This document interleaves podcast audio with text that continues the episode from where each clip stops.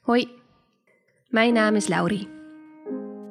Ik val op vrouwen en ik geloof in God.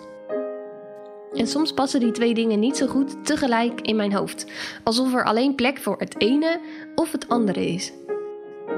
Ik vraag me af hoe dat bij andere vrouwen zit en daarom spreek ik met ze. Ik wil weten hoe dat in hun hoofd gaat, of ze dit ook hebben en hoe ze ermee omgaan. Je luistert naar Twee vrouwen op één kussen.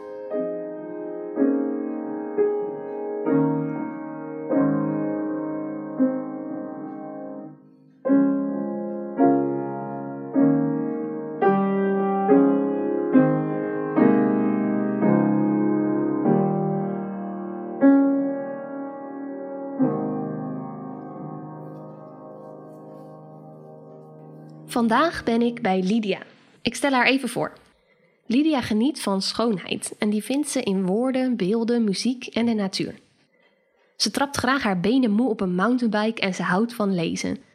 Ze is 27 jaar. Lydia gelooft in God en ze kan iets voelen voor vrouwen. Vandaag zitten we aan haar keukentafel die helemaal vol staat met bijbels. Hey Lydia. Hoi. Hoi. Ik ehm, vind het bijzonder dat ik jou spreek vandaag. Ehm, in mijn podcast spreek ik veel vrouwen die er al min of meer uit zijn, wat ze allemaal vinden en voelen. Ehm, maar voor jou is dat denk ik iets anders. Jij zit nu midden in een proces. Je weet dat je gevoelens kunt hebben voor vrouwen, maar hoe het nou precies allemaal zit en wat je ermee wilt, dat weet je niet zeker. Zeg ik dat zo goed? Ja, dat klopt helemaal. Ehm, wanneer voelde je voor het eerst iets voor een vrouw? Um, wat ik me kan herinneren is dat ik een keer op een busstation liep en dat ik een vrouw langs zich lopen en dat het, uh, dat wat met me deed. Ik weet niet meer precies wat, maar het, um, het raakte mij en het verwarde mij op dat moment ook. Al heb ik er ook niet meer heel veel over nagedacht. Ik heb het geconstateerd en ik dacht, oké, nou, zeer waarschijnlijk ben ik bi. Zoiets dacht ik op dat moment. Oké. En, en kun je een beeld schetsen van hoe jouw leven er op dat moment uitzag? Uh, op dat moment uh, was ik aan het studeren uh, voor juf en ik reisde heen en weer. ik woonde nog thuis en ik was ja, een beetje eindpuberteit. En op dat moment had ik vrij weinig met het geloof en was ik daarin ook zoekende en ik had een beetje de switch gemaakt van heel erg uh, soort zwart-wit denken qua geloof naar dat ik er een, een soort van hekel aan kreeg en, maar, uh, en me niet meer zo goed eraan kon conformeren. Al merkte denk ik niemand daar echt wat van, want het was vooral binnenin en aan de buitenkant uh, volgde ik nog wel gewoon alle regels die ik altijd heb, altijd moest doen. Ja, oké. En uit wat voor um ja, in wat voor geloofstraditie ben je opgevoed? Uh, ik ben uh, uh, reformatorisch opgevoed. Ehm, ik ben geboren en gedoopt in de gereformeerde gemeente. En ehm, daar altijd eigenlijk heel mijn leven in dezelfde gemeente naar de kerk gegaan met mijn ouders. Oké. En wie was, wie of wat was God in die tijd voor jou? Um, ja, um, ik had altijd heel erg door dat het belangrijk was en goed was om God uh, te dienen en um, om de dingen te doen die in de kerk gezegd werden. En, um, en dat dat, maar daar zat ook heel veel angst achter. Dat je dat moest doen omdat, uh, omdat je anders um, mogelijk niet bij hem zou komen. En dus heel veel dingen die je wist heel duidelijk welke dingen je moest doen en welke dingen je niet moest doen. En dat uh, werd vanuit je gezin of vanuit de kerk gezegd? Of? Ja, nou, dat was vooral is. Er werd niet heel specifiek gezegd. Heel veel dingen werden niet specifiek gezegd, maar dat um, kon je toch oppikken uit hoe andere mensen zich gedroegen. En soms ook wel weer letterlijk hoor, maar uh, meeste dingen pikt je toch gewoon op. Je wil hetzelfde zijn als de rest van om je heen. En zo ga je gedragen. En ik denk dat ik ook heel sterk aanvoelde van, oh, dit moet ik niet zeggen, want dat maakt mijn ouders verdrietig. Of dit moet ik wel doen, want dat maakt ze blij. Dat had ik denk ik als kind heel sterk door. Oké, en, maakte dat ook dat wat je net zei, dat je op dat moment dat je een vrouw zag uh, op het station, dat je toen, nee niet op dat moment, maar in die tijd van je leven bedoel ik, dat je toen um, met het geloof een beetje aan het worstelen was? Um, uh, het was denk ik, ik was vooral ermee aan het worstelen omdat ik, het waren zoveel regeltjes, terwijl ik ook heel vaak niet wist wat de uh, gedachte achter de regeltjes was. En het voelde soms zo leeg dat je denkt van iedereen doet het maar en waarom doen we dit? Ja, omdat iedereen het doet. En um, waar zit de echtheid? Dat, dat miste ik heel vaak wel. En het was voor mij niet. Ik, um, hoe moet ik dat zeggen? Um, er was, niet, was heel veel. Niet echt dat ik zoiets dacht, ik wil hierbij horen omdat het heel aantrekkelijk was. Ja, ik wil erbij horen omdat je dan niet anders bent. Maar meer niet. Uh, niet omdat er zoveel dingen waren waar ik echt jaloers op kon worden of zoiets. Oké. En op den duur voelde je dus, ik kan iets voor vrouwen voelen. Moest je iets met die wetenschap van jezelf? Nou, eh, het was ook gelijk een soort van de gedachte: oh ja, dat is, dat zij is dan zo. Maar voor de rest heeft het geen invloed, dacht ik op dat moment. Want, um, weet ik heb ook gewoon de optie voor mannen. En dat is gewoon, dat is gewoon hoe ik dan de toekomst zie en waar ik dan wat, wat mee moet gaan doen. Niemand hoeft het te, te weten. En uh, dit is gewoon iets wat bij mij hoort, zeg maar, in die zin. Uh, maar zonder dat iemand daarvan af weet. En voor de rest ook niet zoveel effect op, erop heeft. Omdat ook, nou ja, dat dacht ik later. Stel je voor, ik word inderdaad verliefd op een vrouw. Ik kan zelf kiezen wat ik ermee doe. Ik kan dat gewoon. In dat geval doe ik er dan gewoon niks mee. Word ik later verliefd op man. Nou ja, dan kan ik er wel wat mee doen. Zo was mijn uh, redenatie op dat moment. Ja. En is dat veranderd? Um, ja, dat is wel veranderd. Um, dat duurde best wel lang, want dit was denk ik de eerste keer was, dat ik dat bedacht. Was ik 18, 19 of zo. En toen ik um, jaar of 24 was, denk ik, toen ben ik er weer meer over na gaan denken.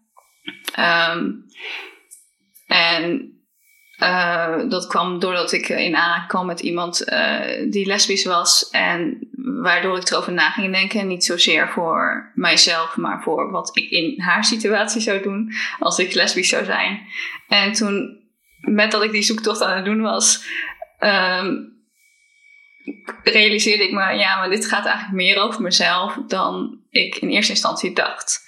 En misschien moet ik er toch wel wat mee. En ik merkte ook dat, het, dat ik er heel veel over na ging denken en dat het, um, uh, dat het best groot werd in mijn hoofd, zeg maar.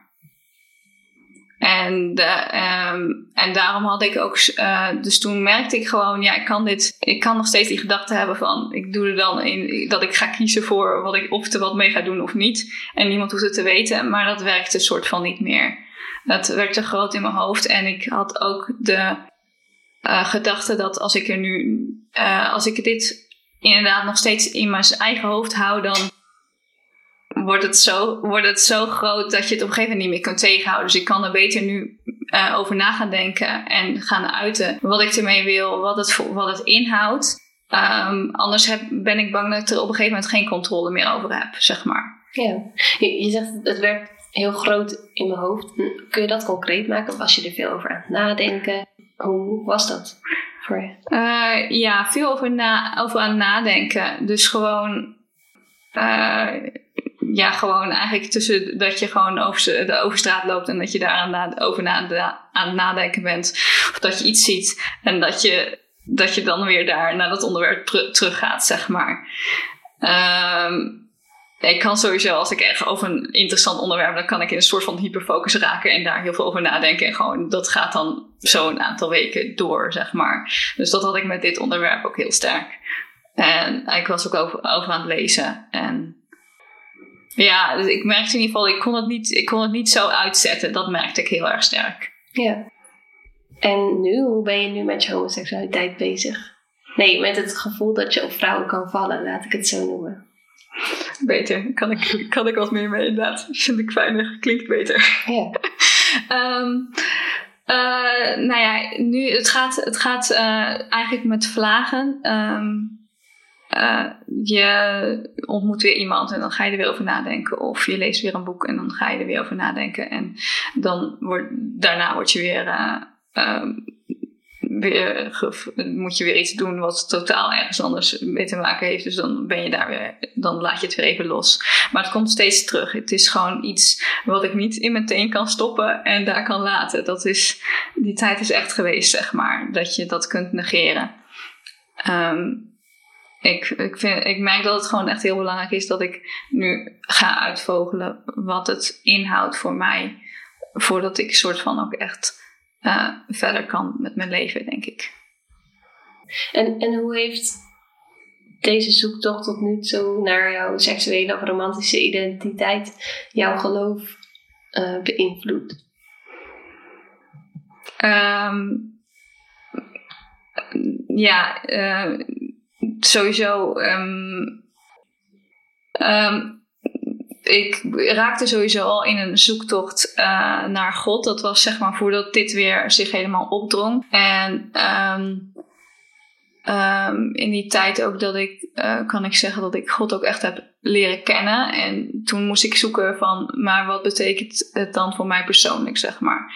En daarna kwam dit onderwerp weer heel sterk naar boven. En dan moet je opeens op weer een hele andere manier met het geloof bezig zijn. Hoe bedoel je dat? Ik denk dat ik heel erg heb meegekregen dat, uh, dat je soort van niet oké bent met deze gevoelens of zo. En dat je dan de vraag moet beantwoorden. Maar wat vindt, wat vindt God er, zeg maar, dan van? Ben ik in zijn ogen wel oké? Ben ik in zijn ogen oké ondanks dit. Of met dit. Of eigenlijk wel bijna helemaal oké, maar dit niet. Um, dus je moet. Ergens moet je, moet je soort van opnieuw uitvinden hoe je je verhoudt ten opzichte van God of zo. Ik begon mijn, de, zeg maar, ik, voordat, ik, voordat het persoonlijk werd, die zoektocht, um, begon ik met het lezen van een boek. En dat ging, uh, legde uit uh, legt alle uh, teksten uit de Bijbel uit over homoseksualiteit. En die uh, zetten dus ook in een ander perspectief, hoe je ze ook kan lezen. Dus met heel veel onderbouwingen. En dat was voordat het echt voor mij persoonlijk werd. Dus dat is mijn startpunt, is die ook die nieuwe visie, zeg maar, van dat een relatie misschien niet per se uh, afgekeurd hoeft te worden. Terwijl ik van al uit mijn jeugd zeker uh, heb meegekregen dat een relatie niet oké okay is. Ja. En wat sprak je aan in die theorie van dat een relatie misschien wel oké okay is? Nou, wat me sowieso uh, opviel, de opbouw van het boek sloot heel erg aan bij hoe ik denk. Het was heel systematisch, zeg maar, uitgewerkt. Dat echt stap voor stap. En dat ik denk van, oké, wacht even. Huh? Zo kan je dus dit ook bekijken.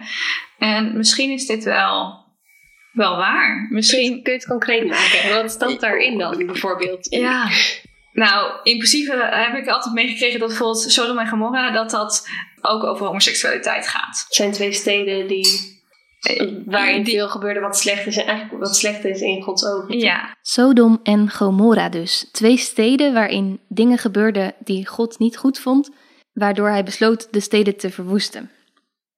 En een voorbeeld van wat er dan in die steden gebeurde is dat er op een avond allemaal mannen voor de deur stonden van Lot. En Lot had net twee engelen in huis genomen. Maar die mannen die voor de deur stonden, die riepen: Breng die mannen naar buiten, want we willen ze nemen. En dat Bijbelgedeelte wordt in verband gebracht met homoseksualiteit.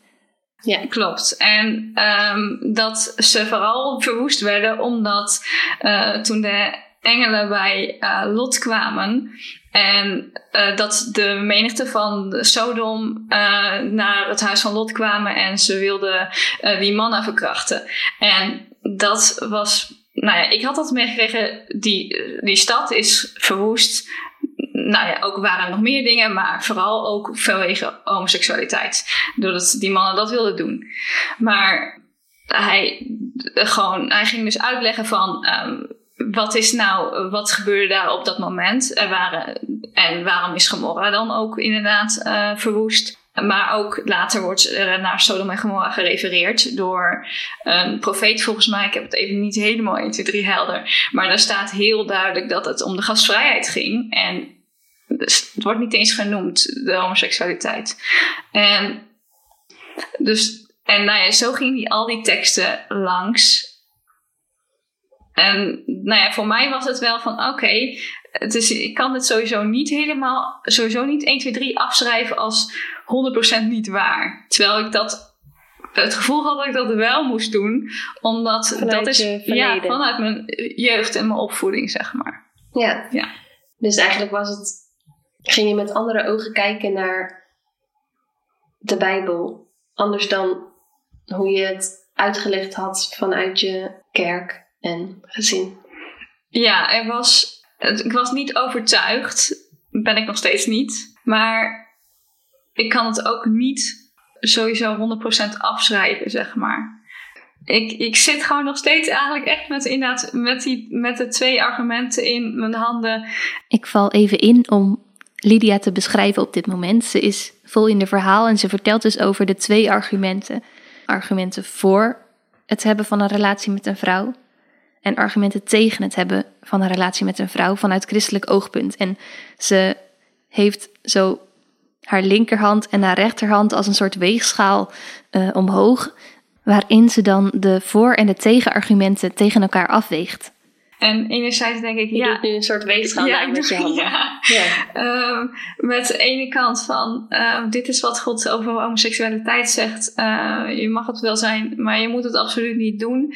Uh, die visie. En daar kan ik inderdaad de argumenten voor vinden. En daar, ja, op zich klopt het voor mij in mijn hoofd. En anderzijds klopt het ook eigenlijk helemaal niet. Want die andere argumenten vind ik soms ook heel sterk. Ik, ik weet het gewoon niet. Nee. Ik weet het gewoon niet. Want, uh, want laten we gewoon eens allebei de handen even. Wat, wat trekt je aan in het argument van je moet het gewoon niet doen?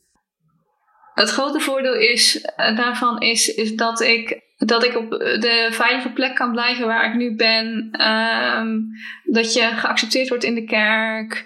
Dat ik geaccepteerd word door mijn familie en vrienden en omgeving. Want dat is de, wat zij voorstaan.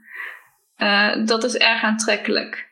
Maar ik moet het dan ook wel zeker weten dat dat echt, um, dat dat echt waar is. Wil ik daarvoor kunnen gaan, zeg maar.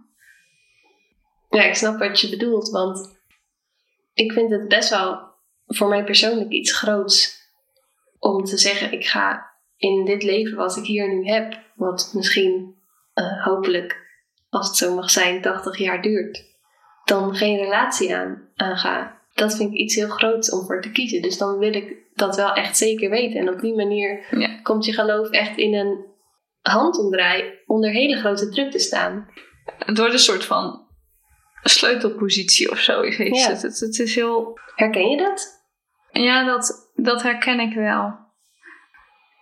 Ja, ik wil graag nog even iets toevoegen aan het daarvoor. Van, eh, dat laatste, wat, wat dan ook het voordeel is van om er niet voor te gaan, is.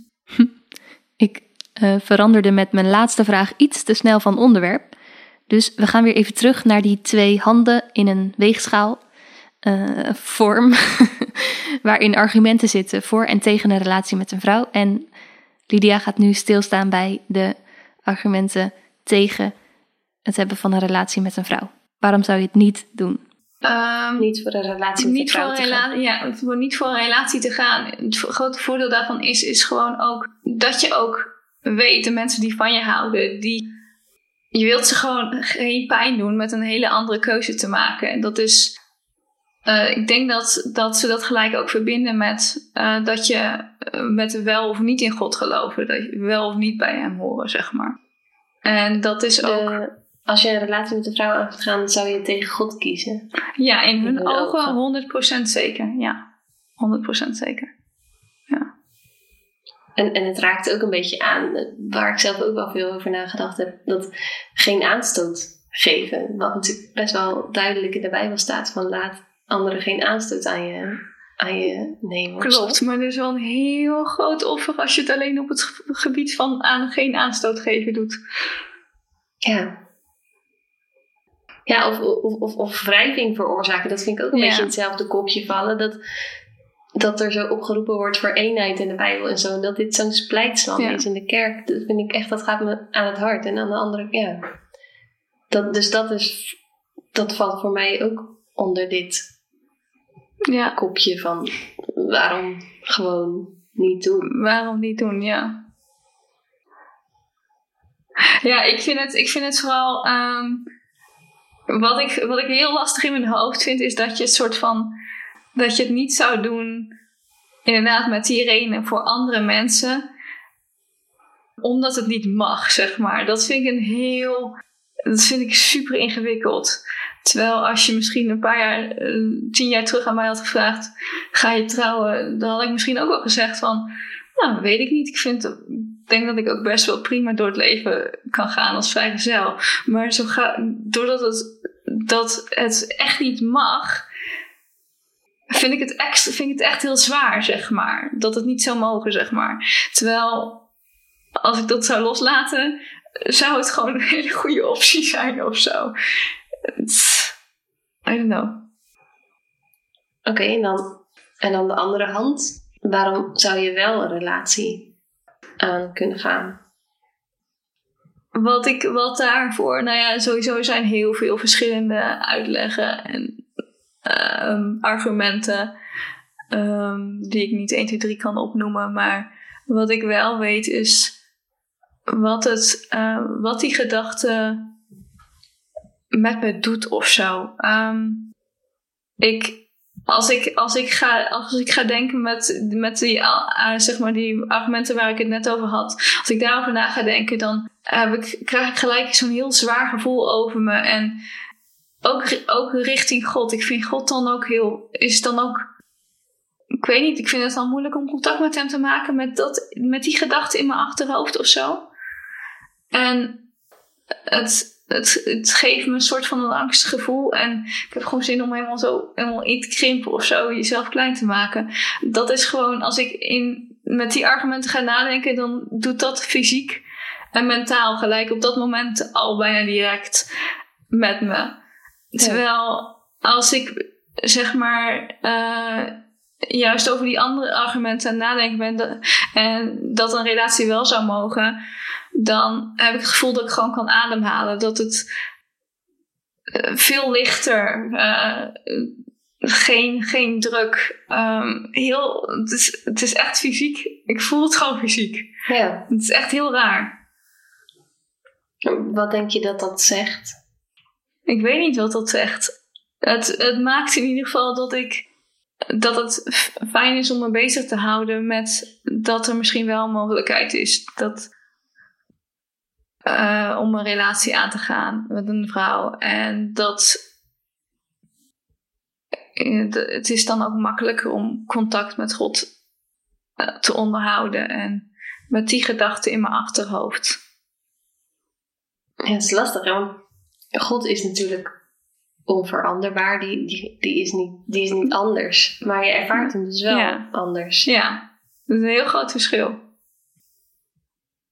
Wie is God op dit moment voor jou? Lastige vraag. Ja, ik weet niet zo goed hoe ik het moet beantwoorden. Omdat ik, uh, juist omdat ik ook heel erg bezig ben met die argumenten, zeg maar, voor en tegen, ben ik ook heel erg aan het zoeken wie God is, zeg maar, op dit moment. En uh, wat ik van Hem geloof. En ja, ik, ik weet het op dit moment eigenlijk niet. Ik weet wel dat hij de afgelopen jaren, juist ook wel in die hevigheid van de zoektocht van de laatste twee jaar, dat ik heel veel, dat, dat hij heel dichtbij was en dat het fijn was dat ik steeds op hem kon terugvallen. En, en juist ook wel dat, je, dat ik heel erg kon merken dat hij uh, onvoorwaardelijk naar je kijkt. En niet dat je, je daden doen er wel toe, dat wel. Maar hij kijkt niet op basis van je daden naar jou. Hij kijkt naar jou, wie je bent. En um, niet omdat jij uh, twee keer naar de kerk bent geweest. Uh, vijf keer op een dag hebt gebeden. Nou, dat doen de moslims trouwens. um, nou, weet ik veel. Netjes hebt gebeden, s ochtends, s avonds enzovoort. En zo lang stille tijd hebt gehouden. En al die dingen hebt gedaan dat, het, dat zijn liefde daar uh, daardoor niet uh, meer is geworden, niet meer wordt voor jou. En als, ik het, als je dat niet zou hebben gedaan, dat hij dan opeens minder van je houdt. Dat het daar niet afhankelijk van is. En dat merkte ik de afgelopen. Uh, dat, dat, dat was wat ik de afgelopen twee jaar heel erg ook sterk merkte. Ja, dus een liefdevolle God ja, en een God die ook heel dichtbij kan zijn. En dat is ook wel iets wat ik heb moeten leren, wat ik niet zozeer ervoor toen ik kind was. Toen was het echt wel een God die best wel ver weg was eigenlijk. En ook moeilijk benaderbaar ergens of zo. Um, en je zegt wel, ik weet niet goed hoe ik die vraag nu moet beantwoorden. Ja, ik, omdat ik nu gewoon, ik weet niet hoe het, ik weet wel hoe het was, maar ik weet nu even op het moment echt niet. Ja. Ik ben gewoon even zoekend, helemaal zoekend op dat gebied. En, maar heeft dat te maken met je gevoelens voor vrouwen? Ja, ik heb, een, ik heb ergens een soort van gevoel dat ik nu op een soort van kantelpunt sta of zo. Met met uh, wat, uh, wat, wat mijn keuze gaat zijn voor mijn toekomst of zo.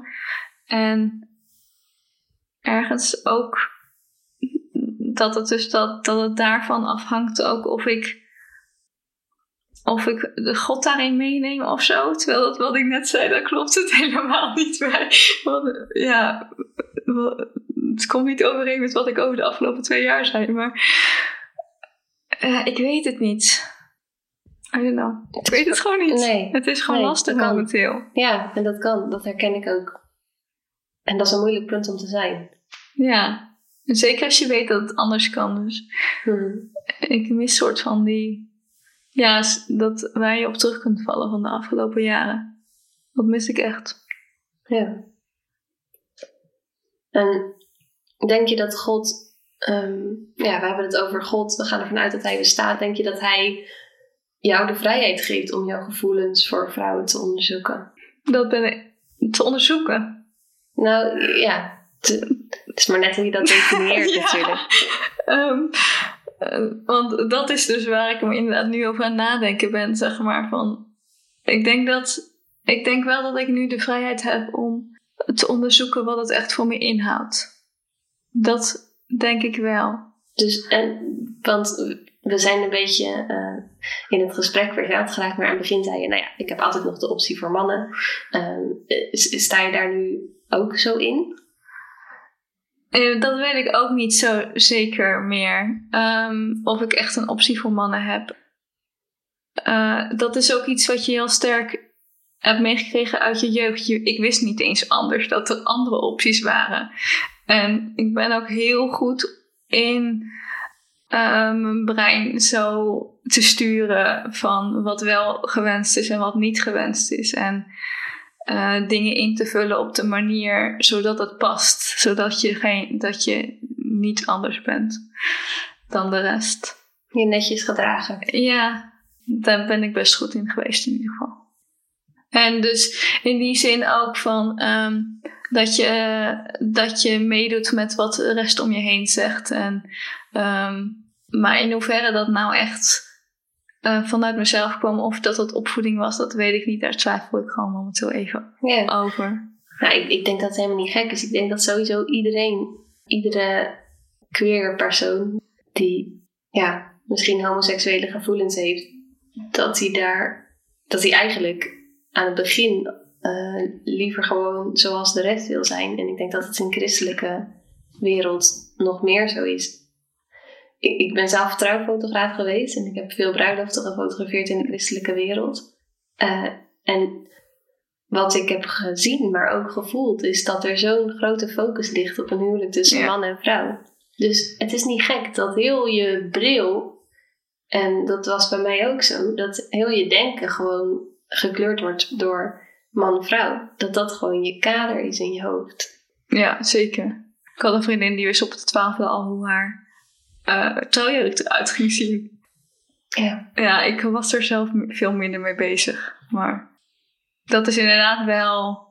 Uh, op een gegeven moment heb je gewoon een leeftijd dat het een soort van een beetje verwacht wordt of zo. Ja, en het is echt een heilige graal. Ja. Het is waar je allemaal naar streeft. Ja, dat, en dat is een soort van, zeker als vrouw, is dat echt je, wel je doel. En je moet ook minstens, je moet ook willen trouwen en je moet ook kinderen willen, zeg maar. Soort van, dat is je doel in je leven of zo. Ja. Ja ik heb het zelf iets minder, minder meegekregen als gezin. Ik merk nu niet zozeer, ik heb dat gevoel niet heel sterk. Maar ik merk het om me heen wel heel sterker. En ook wel in de kerk dat je, als je alleen bent, dat je dan toch een beetje zielig bent of zo. Maar dat had ik ook toen ik 16 was en ik zag iemand van 22, dat ik dacht, oh, die is nog single. Oh. ik ben nu 27. Oeps. ja. Ja. Dus dat is wel, dat is, dat je zo daar, daarnaar kijkt, dat, dat is wel, zegt wel iets over wat je hebt meegekregen inderdaad. Wat dan belangrijk is en goed is of zo. Ja. En uh, met een man.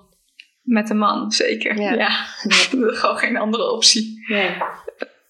Het is of in de zending of, of trouwen we de man, zeg maar. ja, Als vrouw ongeveer. Ja. ja, precies, dat zijn de opties. ja. Ja. Dankjewel voor dit mooie gesprek. De tijd zit er alweer op. En ik vind het wel mooi, want... Uh, we hebben niet een heel afrondend prachtige quote of zo. Nee. Uh, maar dat past eigenlijk ook wel bij dit. We zeiden, ja, jij en ik eigenlijk ook zitten er middenin. Ja. En dan weet je het gewoon soms niet. Dan is er geen nee, dus afrondende dus geen mooie afronding. nee. nee.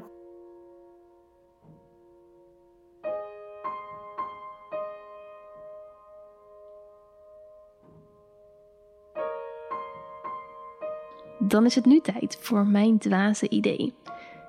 Ik wil aan het eind van ieder gesprek een lied zingen.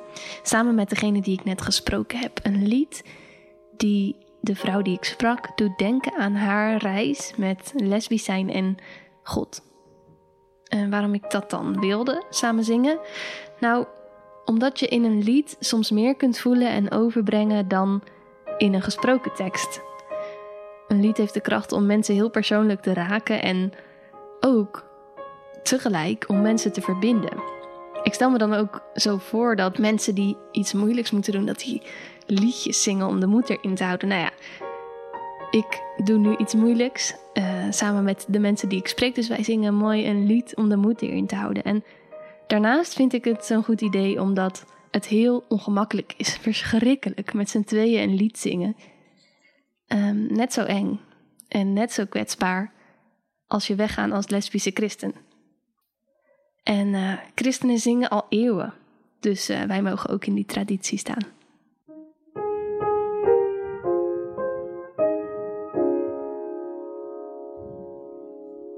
Welk lied heb je gekozen?